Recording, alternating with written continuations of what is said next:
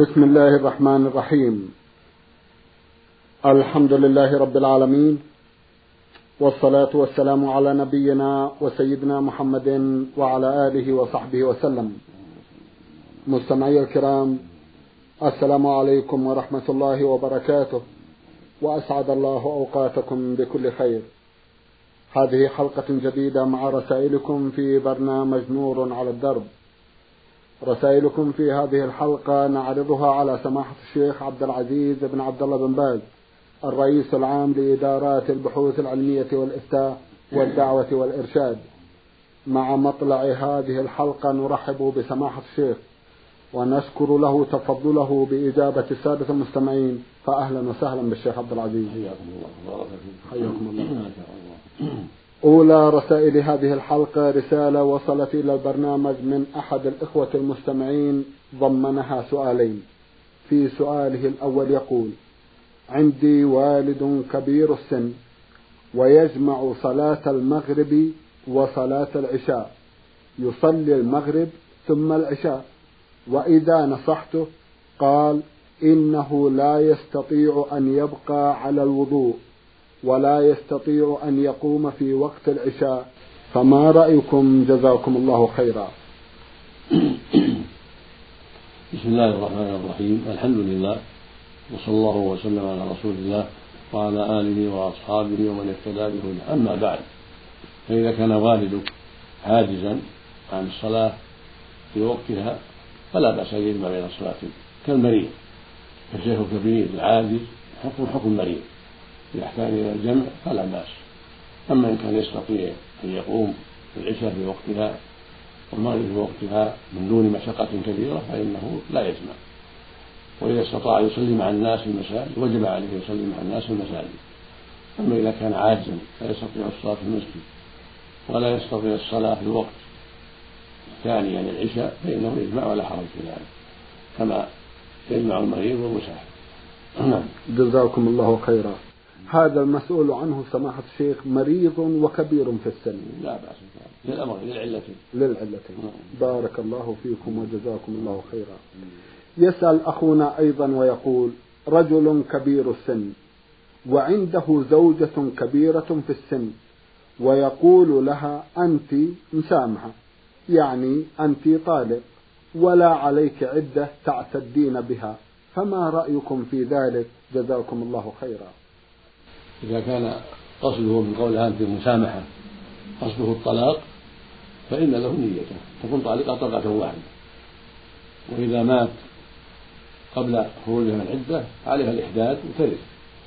وعدتها ثلاثة أشهر إذا كانت يائسة مع تحييد عدتها ثلاثة أشهر. فإذا مات في ثلاثة الأشهر فهي زوجة وعليها العدة ولها الميراث وعليها الإحداد إذا كان لم يطلقها قبل هذا طلقتين.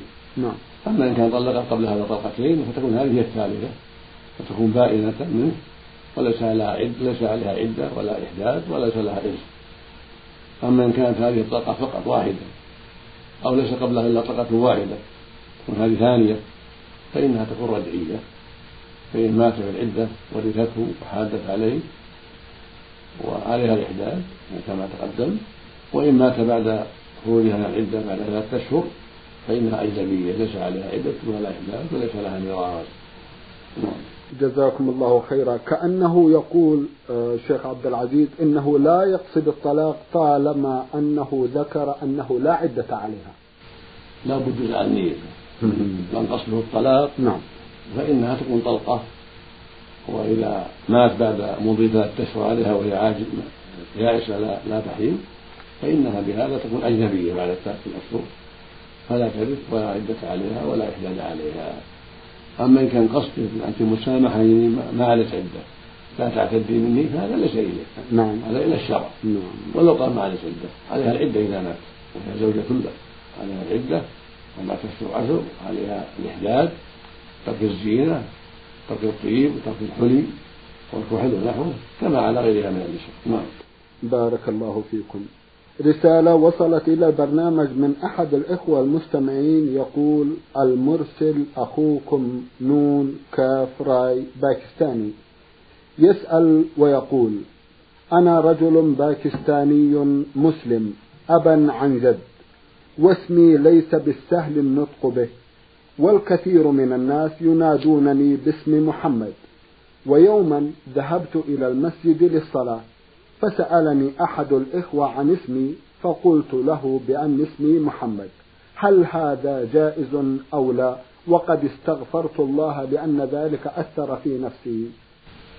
إذا كنت لا تسمى بمحمد في جهة الرسميات ليس في جواز اسم محمد ولا في حضرة نفوسك وإنما بعض الناس يسميك محمد فليس لك أن تقول للناس إن اسمك محمد إلا إذا صممت على تغيير اسمك. وجعلته محمدا بدل اسمك الذي سماك به. أهله فلا بأس. أما أن تكذب على بعض الناس لا. فالتوبة من هذا كافية والاستغفار أما إذا عزمت على أن تجعله اسما لك أو دائما بدلا من اسمك الذي سماك به أهلك فلا حرج في ذلك. يجوز تغيير الاسم والحمد لله. بارك الله فيكم. أبي كان قد نوى فريضة الحج وفي منتصف الطريق توفي بحادث اصطدام سيارة. فهل يعتبر حاجا أم يلزمنا أن نحج من أجله؟ إن كان مات قبل الإحرام فالحج باقي إذا كان يستطيع الحج ورث تركة فعليك أن تحجج عنه من تركته. إذا كان غنيا يستطيع الحج في حياته فعليك أن تحجج عنه. وإن حج بعضكم تبرعا عن والدكم فجزاكم الله خيرا. أما إن كان موته بعد إحرامه بالحج فهذا لا شيء عليه لأن الرسول صلى الله عليه وسلم لما مات بعض الصحابة في عرفات قال إنه يبعث موقعهم ملبيا ولم يأمر بالحج عنه بل قال اغسلوه بماء وسد وكفنوه في ثوبيه ولا تحنطوه لا تطيبوه ولا تخمروا رأسه ووجهه فإنه يبعث يوم القيامة ملبيا فدل ذلك على أنه باقي على إحرامه وأنه لا يكلف أحد بالحج عنه والذي مات بعد الإحرام مثل اللي مات في عرفات سواء لا يجب أن يحج عنه. فمن حج عنه من باب التبرع من باب الخير فلا بأس. بارك الله فيكم. إذا كان حصل الحادث قبل أن يدخل الإحرام سمعت هذا مثل ما تقدم. الحج عنه. يحج عنه. كان غنيا يحج من ماله أيوة. وإن كان فقيرا فلا حج عليه. بارك لكن إذا حج عنه بعض أقاربه وبعض أولاده هذا حسن. جزاكم الله خيرا. أسمع بعضا من المنتسبين إلى الإسلام يرفعون شعارات معينة في الحج ويقولون إنهم ينددون بأعداء الإسلام وقد غيروا صورة الحج في أذهان الناس. ما هو توجيهكم سماحة الشيخ حول هذه القضية؟ جزاكم الله خيرا. المشروع للحجيج أن يشتغلوا بذكر الله وطاعة الله في أيام الحج. وفي وقت التلبية يلبون لبيك اللهم لبيك لبيك لا شريك لك لبيك إن الحمد والنعمة لك والملك لا شريك لك. وقت الإحرام إلى أن يبدأ في رمي الجمرة يوم العيد. وفي العمرة إلى أن يبدأ في الطواف. أما قبل بدء الطواف في العمرة فيلبي وفي الحج كذلك يلبي من حين يحرم بالحج إلى أن يبدأ في رمي جمرة العقبة فيستعمل بالتكبير وعليه مع هذا الإكثار من ذكر الله ومن الصلاة على النبي صلى الله عليه وسلم. أما اتخاذ شعارات أخرى بزعمهم أنها مشروعة كالتنديد بالأمريكان أو باليهود أو بغيرهم من الناس شعارات يعلنونها فهذا لا, لا وجه له ولا أثر ولا أصل أصل لهذا. النبي صلى الله عليه وسلم إنما أمر في سنة التسع من الهجرة أمر بإظهار البراءة من المشركين من أهل العهود. وأن تنبذ إليهم عهودهم سنة التسع. وأن يعلم الناس أن الواجب عليهم الدخول في الإسلام وإلا فليس لهم الحج. لقوله عز وجل يا أيها الذين آمنوا إنما المشركون نجس فلا يقربوا المسجد الحرام بعد عامهم هذا. فالنبي صلى الله عليه وسلم نبذ إليهم عهودهم الذين لهم عهود نبذ إليهم عهودهم مطلقة. والذين لهم عهد محدد نبذ إليهم عهدهم إلى مدته يبقى إلى مدته ثم ينتهي. نعم. إلا أن يدخلوا في الإسلام. وبين لهم صلى الله عليه وسلم أنهم ليس لهم دخول الحرم وهم مشركون. كان هذا في عام تسع بعث الصديق رضي الله عنه وجماعة مع من الصحابة وبعث علي رضي الله عنه ينادي البراءة عام تسع. حتى يعلم الناس أن الحج إنما هو خاص بالمسلمين وحتى يعلموا أن الرسول بريء من عهودهم فعليهم الدخول في الإسلام وترك ما هم عليه من الشرك وإلا فليمتنعوا من الحج ولا يحجون وهم مشركون. وفي عام عشر لما حج حج الوداع ترك هذه البراءة ولم يعلن شيئا من ذلك. إنما كان هذا في عام التسع حتى يعلم من له عهد عند النبي صلى الله عليه وسلم أنه على عهده إذا كان محددا فإن كان عهدا مطلقا فإنه نبذ إليه حتى يستعد للدخول في الإسلام أو يعرف أنه عدو فيحارب ويجاهد. نعم. أما ما يتخذه الرافضة أتباع الخميني في أيام الحج من السيارات وإعلان البراءة من أمريكا أو من اليهود هذا شيء من كيسهم. هذه بدعة ما لها أصل. هذه بدعة باطلة لا يجوز فعلها ويجب على الدولة منعهم من ذلك. يجب على الدولة وتقاها الله أن تمنعهم من هذا الفراق ومن هذا الفساد. طيب. لأنه يشوش على الحجيج ويؤذي الحجيج وربما أفضى إلى فتنة كما وقع في العام الماضي في يوم السادس من ذي الحجة نعم. لما قاموا بمسيراتهم الصاخبة الخبيثة وإعلاناتهم اصطدموا مع الناس وصار بلاء عظيم شر كثير وقتل فئام من الناس وجرح جم أكيد كل هذا من أسباب باطلهم ومسيراتهم الباطلة. فالواجب على ولاة الأمور منعهم من ذلك ومنع غيرهم أيضا لو أراد غيرهم يمنع. طيب. فمن جاء إلى الحج فليعمل بأعمال الحج وليكن عليه الوقار والسكينة كما قال الله جل وعلا الحج أشهر معلومات ومن فرض فيه الحج فلا رفث ولا فسوق ولا جدال في الحج. الحج ليس محل الرفث وهو الجماع للمرأة قبل الحلم وهكذا القول السيء والفعل السيء يسمى رفث. نعم. وهكذا المعاصي كلها تسمى فسوق. وهكذا الجدال والمرأة في الحج كله ممنوع. فالواجب على الحجيج أن يلتزموا بشرع الله في في أرض الحرمين وأن يستقيموا على دين الله وأن يلزموا الواجب ويحذروا ما حرم الله من الرفث والفسوق والعصيان وسائر أنواع الشر وهكذا إيذاء المؤمنين بهتافات أو بمسيرات وفيه في طرقهم كل هذا يجب منعه منعا باتا نعم. سواء كان من الرافضة أو من غير الرافضة. نعم. بارك الله فيكم. الواقع سماحة الشيخ تتطرقون إلى موضوع هام شغل بال المسلمين في هذه الأزمنة. ذلكم هو تلكم الشعارات التي يقوم بها بعض الحجاج المنتسبين إلى إيران. ومما ارتكبوه كما أشرتم وتفضلتم سد الطرقات وحرق السيارات وما إلى ذلك. بل لقد أدى بهم الحال إلى جلب المتفجرات ضمن أمتعتهم. لعل لسماحتكم توجيه للمسلمين عموما إذا ما لاحظوا شيئا من ذلك كيف يتصرفون؟ نشرنا فيما مضى في موسم الحج الماضي عام 1407 نعم. قرارا من مجلس العلماء بالتنديد بهذا الأمر وإنكاره. طيب. وان وأن المجلس يسلم هذا ويرى أنه باطل ويرى أن على الدولة منع ذلك منعا باتا. لما فيه من التشويش وايذاء المسلمين وهكذا المسلمون في كل مكان في الهند والباكستان في أندونيسيا وفي مصر وفي أفريقيا وفي كل مكان أعلنوا تنديدهم بهذا العمل وإنكارهم بهذا العمل وأنه منكر وأن الواجب تركه والحذر منه وأن الواجب على الدولة منع ذلك وأن الدول الإسلامية تؤيدها فيما ذهبت إليه من القضاء على هذا المنكر والحرص على تأمين الحجيج ودفع الأذى عنهم سواء من الشيعة أو غير الشيعة نعم. هذا واجب الدولة أن تحرص على أمن الحجيج وأن يؤدوا مناسكهم بطمأنينة وأمن وعافية وأن تأخذ على أيدي السفهاء من الشيعة وغير الشيعة وتمنعهم من الباطل ومن الأذى ومن النشيرات وإذا كان هناك تفسيرات صار الأمر أكبر وأخطر. ولكن الدولة وفقها الله قد سامحت كثيرا فيما مضى الواجب عليها ألا تسامح بهذا لأن هذا خطره عظيم. قد وجد في في كثير من جماعة من الأشياء التي مع حجاج إيران وجد معهم أشياء من المتفجرات قد آه، صفحت عنها الدولة في العام 1406 نعم.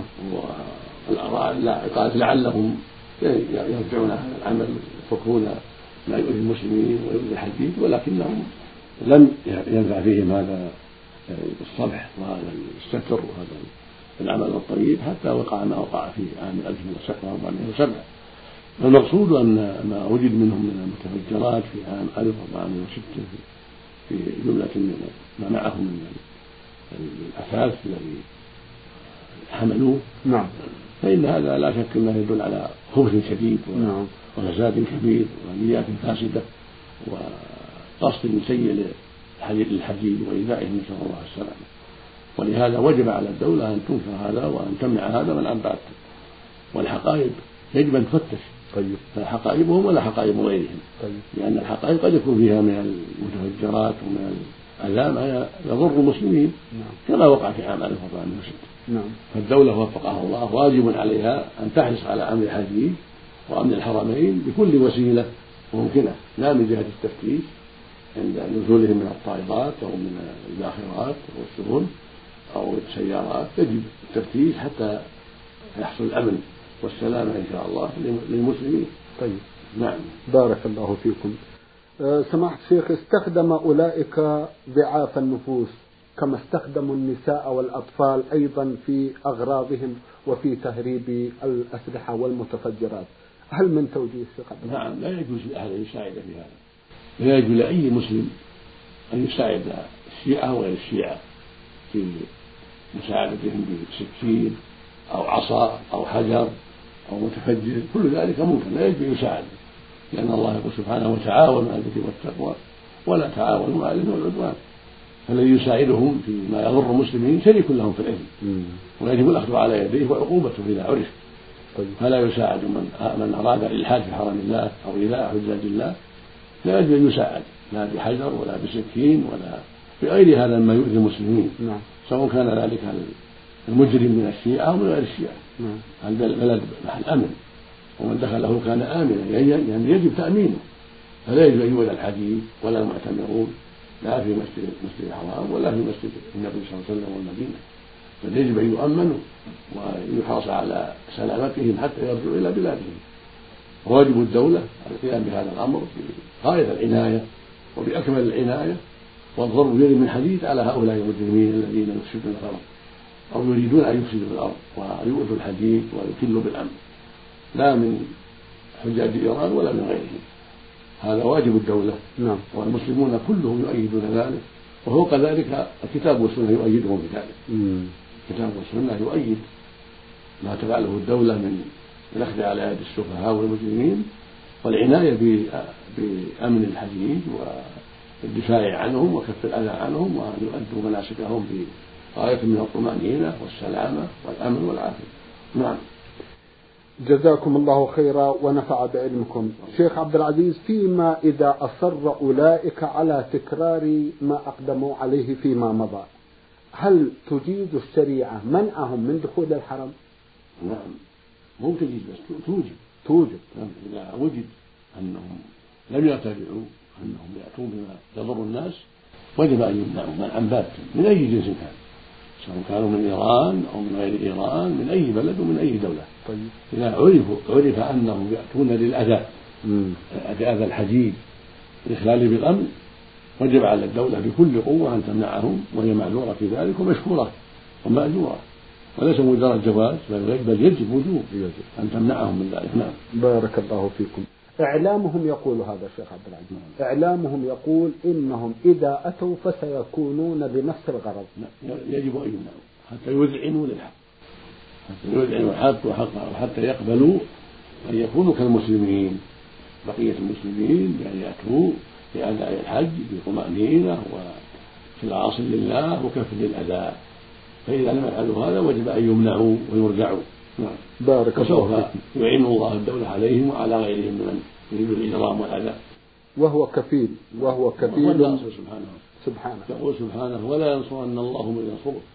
إن الله لقوي عزيز. الذين إن مكناهم أقاموا الصلاة وآتوا الزكاة وأمروا بالمعروف ونهوا عن المنكر ولله عاقبة الأمور.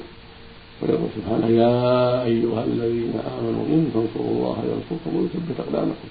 فكل من أراد الإسلام بسوء سواء في بلد الله الحرام أو في غير بلد الله الحرام فهو الواجب منعه من ذلك. وجاء والواجب التمكين به والأخذ على يديه بكل طريق يوصل إلى ذلك مما شرع الله سبحانه وتعالى. ولا سيما في أمر الحرمين فإن أمرهما أمر عظيم وهو لا يخص السعودية بل يعم جميع حجاج المسلمين. طيب. نعم. إذا آه، على هذا طالما أنه يخص جميع المسلمين يجب أن تكون كلمة المسلمين واحدة تجاه هذا. يجب يجب. يجب على المسلمين جميعا أن يكونوا ضد من أراد الأذى. من إيران وغير إيران. يجب على المسلمين جميعا في أي مكان وفي أي دولة أن يكونوا شيئا واحدا ويدا واحدة في محاربة من أبى إلا الأذى للمسلمين. وأن يكونوا ضد أعداء الله وضد من أراد إيذاء المؤمنين في مناسك الحج أو في غير ذلك. المسلمون شيء واحد. يجب أن يكونوا متكاتفين متعاونين ضد من أراد الأذى بالمسلمين كما قال الله عز وجل والمؤمنون والمؤمنات بعضهم أولياء بعض قال سبحانه واعتصموا بحبل الله جميعا ولا تفرقوا نعم. بارك الله فيكم. هل من دور قامت به الرئاسة العامة للإدارات البحوث العلمية والإفتاء نعم. آه، بتوعية الناس تجاه هذه القضية؟ نعم نعم. الدعاة التابعون لها الرئاسة. نعم. هم يبصرون الناس في العام الماضي وقبله. يبصرون الناس ويدعون إلى التكاتف والتعاون مع الدولة في بيان الحق طيب. والتحذير من الرفث والفسوق والعصيان طيب. والتحذير من الأشيرات وكل ما يؤذي الحديث في المسائل وغير المشاعر وفي المدينة وغير مكة جميعا. فالدعاة التابع للرئاسة والدعاة أيضا من غير تابع للرئاسة من المتبرعين والمتطوعين نعم. والعلماء جميعا. نعم. كلهم طريقهم واحدة. كلهم ضد الباطل. كلهم ينهون عن الفساد في الأرض وينهون عن العذاب الحزين ويشتهون ما تقوم به دولة إيران وحجاج إيران من الأذى كلهم طريقتهم واحدة في هذا والحمد لله. الحمد لله. يعلمون أن هذا هو الحق وأن الحكومة على بينة وعلى بصيرة وعلى نور من الله في هذا وأن الواجب على الدولة وعلى جميع المسلمين أن يكونوا في هذا شيئا واحدا متكاتفين ضد الباطل واحد. بارك الله فيكم. الدور الإعلامي آه، كبير في هذه المسألة الشيخ عبد واجب واجب على الإعلام. واجب الإعلام كبير. نعم. بوسائله كلها المنظورة والمسموعة والمقروءة.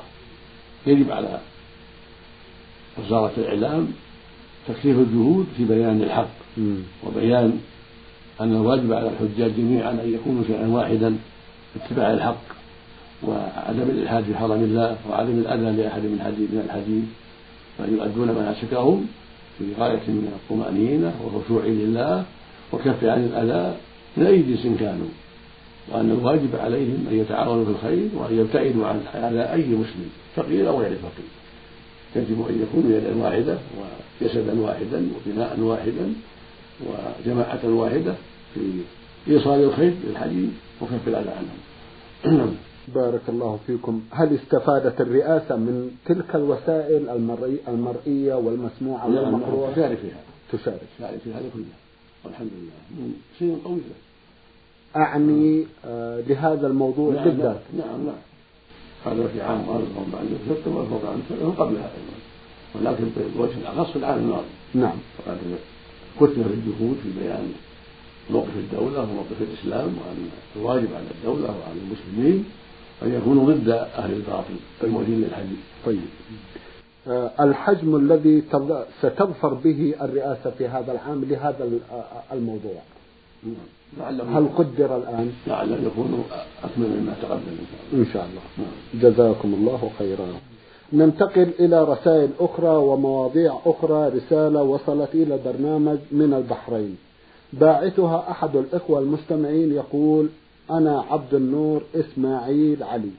يسأل سماحة الشيخ عن النوافل التي يستحب للمرء أن يلازمها قبل وبعد الفرائض. وهل هناك عدد معين؟ جزاكم الله خيرا. ذلكم أنه يصلي خمس ركعات أحيانا قبل الظهر وأحيانا أربع ركعات لكنه في هذه الرسالة يرجو التوجيه آه، الرشيد. جزاكم الله خيرا. النوافل المشروعة مع الفرائض التي كان النبي يحافظ عليها عليه الصلاة والسلام ويلازمها اثنتا عشرة ركعة. طيب. هذه رواتب وتسمى نوافل. كان الرسول صلى الله عليه وسلم يحافظ عليها. كما ثبت ذلك من حديث ابن عمر وعائشة وأم حبيبة وغيرهم. وهي أربع قبل الظهر تسليمتان قبل الظهر. وثنتان بعد الظهر. وثنتان بعد المغرب. وثنتان بعد العشاء. وثنتان قبل صلاة الصبح. هذه يقال لها الرواتب ويقال لها النوافل المؤكدة. يقول ابن عمر صلى الله عليه وسلم حفظ النبي صلى الله عليه وسلم على ركعات اثنتين قبل الظهر واثنتين بعدها واثنتين بعد المغرب واثنتين بعد العشاء واثنتين قبل صلاة الصبح وثنتين بعد صلاة الجمعة في بيته. قال فأما المغرب والعشاء والفجر والجمعة في بيته. وقالت عائشة رضي الله عنها كان يصلي قبل الظهر أربعا. كان لا يدع أربعا قبل الظهر. هذا مما حفظته عائشة وحفظته أم سلمة أيضا. نعم. فدل ذلك على أن الأكمل أربع قبل الظهر. وإن اقتصر على في كما قال ابن عمر كفى ذلك. ولكن الأفضل مثل ما دل عليه حديث عائشة وأم حبيبة أنه يصلي أربعا قبل الظهر تسليمتين نعم. فيكون الجميع ثنتي عشرة ركعة. هذا هو الكمال وهذا هو المحفوظ عن النبي صلى الله عليه وسلم. وإن زاد على هذا نعم. فصلى بعد الظهر أربعا زيادة اثنتين بعد الظهر. فهذا أيضا مستحب. تقول أم حبيبة رضي الله عنها عن النبي صلى الله عليه وسلم قال من صلى أربعا قبل الظهر وأربعا بعدها حرمه الله على النار وفي لفظ آخر من حافظ على أربعين قبل الظهر وأربعين بعدها حرمه الله تعالى النار يعني ثنتين ثنتين نعم. كما في الحديث صلاة الليل والنهار مثنى مثنى. وهكذا يستحب يصلي أربعا قبل العصر وليست راتبة لكنها مستحبة يقول النبي صلى الله عليه وسلم رحم الله صلى أربعا قبل العصر. وهكذا يصلي اثنتين قبل المغرب. بعد الأذان اثنتين قبل العشاء بعد الأذان مستحبة أيضا. يقول النبي صلى الله عليه وسلم بين كل أذان صلاة بين كل أذان صلاة بين كل أذان صلاة ثم قال لمن شاء ليعلم الناس أن هذا ليس بواجب ولكنها مستحب. هذه مستحبات وليست رواتب طيب. اثنتين قبل المغرب اثنتين قبل العشاء أربع قبل العصر هذه مستحبة وليست راتبة اثنتين بعد الظهر زيادة على الراتبة تكون أربع بعد الظهر مستحبة كما تقدم في الأحاديث. نعم. جزاكم الله خيرا. كذلك سنة الضحى مستحبة دائما. أيوة. ركعتان في الضحى. نعم. يصلي ركعتين في الضحى. هذه سنة مؤكدة. وكان النبي صلى الله عليه وسلم أوصى بها جماعة من أصحابه سنة الضحى. نعم. وقال في حديث أبي ذر يصبح على كل سنة صدقة. وكل تسبيحة صدقة. وكل تهليل صدقة. كل تحميد صدقة. كل تكبير صدقة. وأمر معه صدقة. ونهي عن منكر صدقة. قال ويكفي من ذلك ركعتان تركعهما من الضحى. رواه مسلم في صحيحه. فدل ذلك على أهمية الركعتين وأنها تقوم مقام الصدقات التي على مفاصل الإنسان. قال أبو هريرة رضي الله عنه وأبو الدرداء كل واحد يقول أوصاني رسول الله بصلاة الضحى.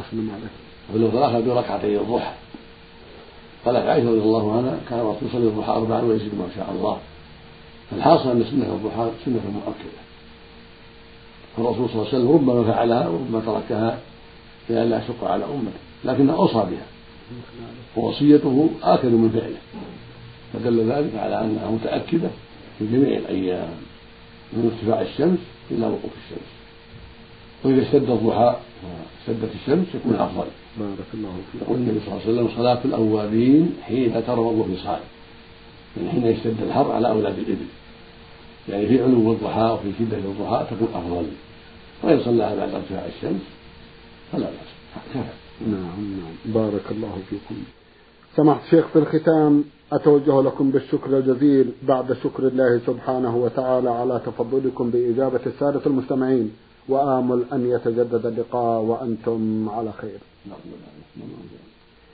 مستمعي الكرام كان لقاؤنا في هذه الحلقة مع سماحة الشيخ عبد العزيز بن عبد الله بن باز الرئيس العام لإدارات البحوث العلمية والإفتاء والدعوة والإرشاد. شكرا لمتابعتكم وإلى الملتقى وسلام الله عليكم ورحمته وبركاته.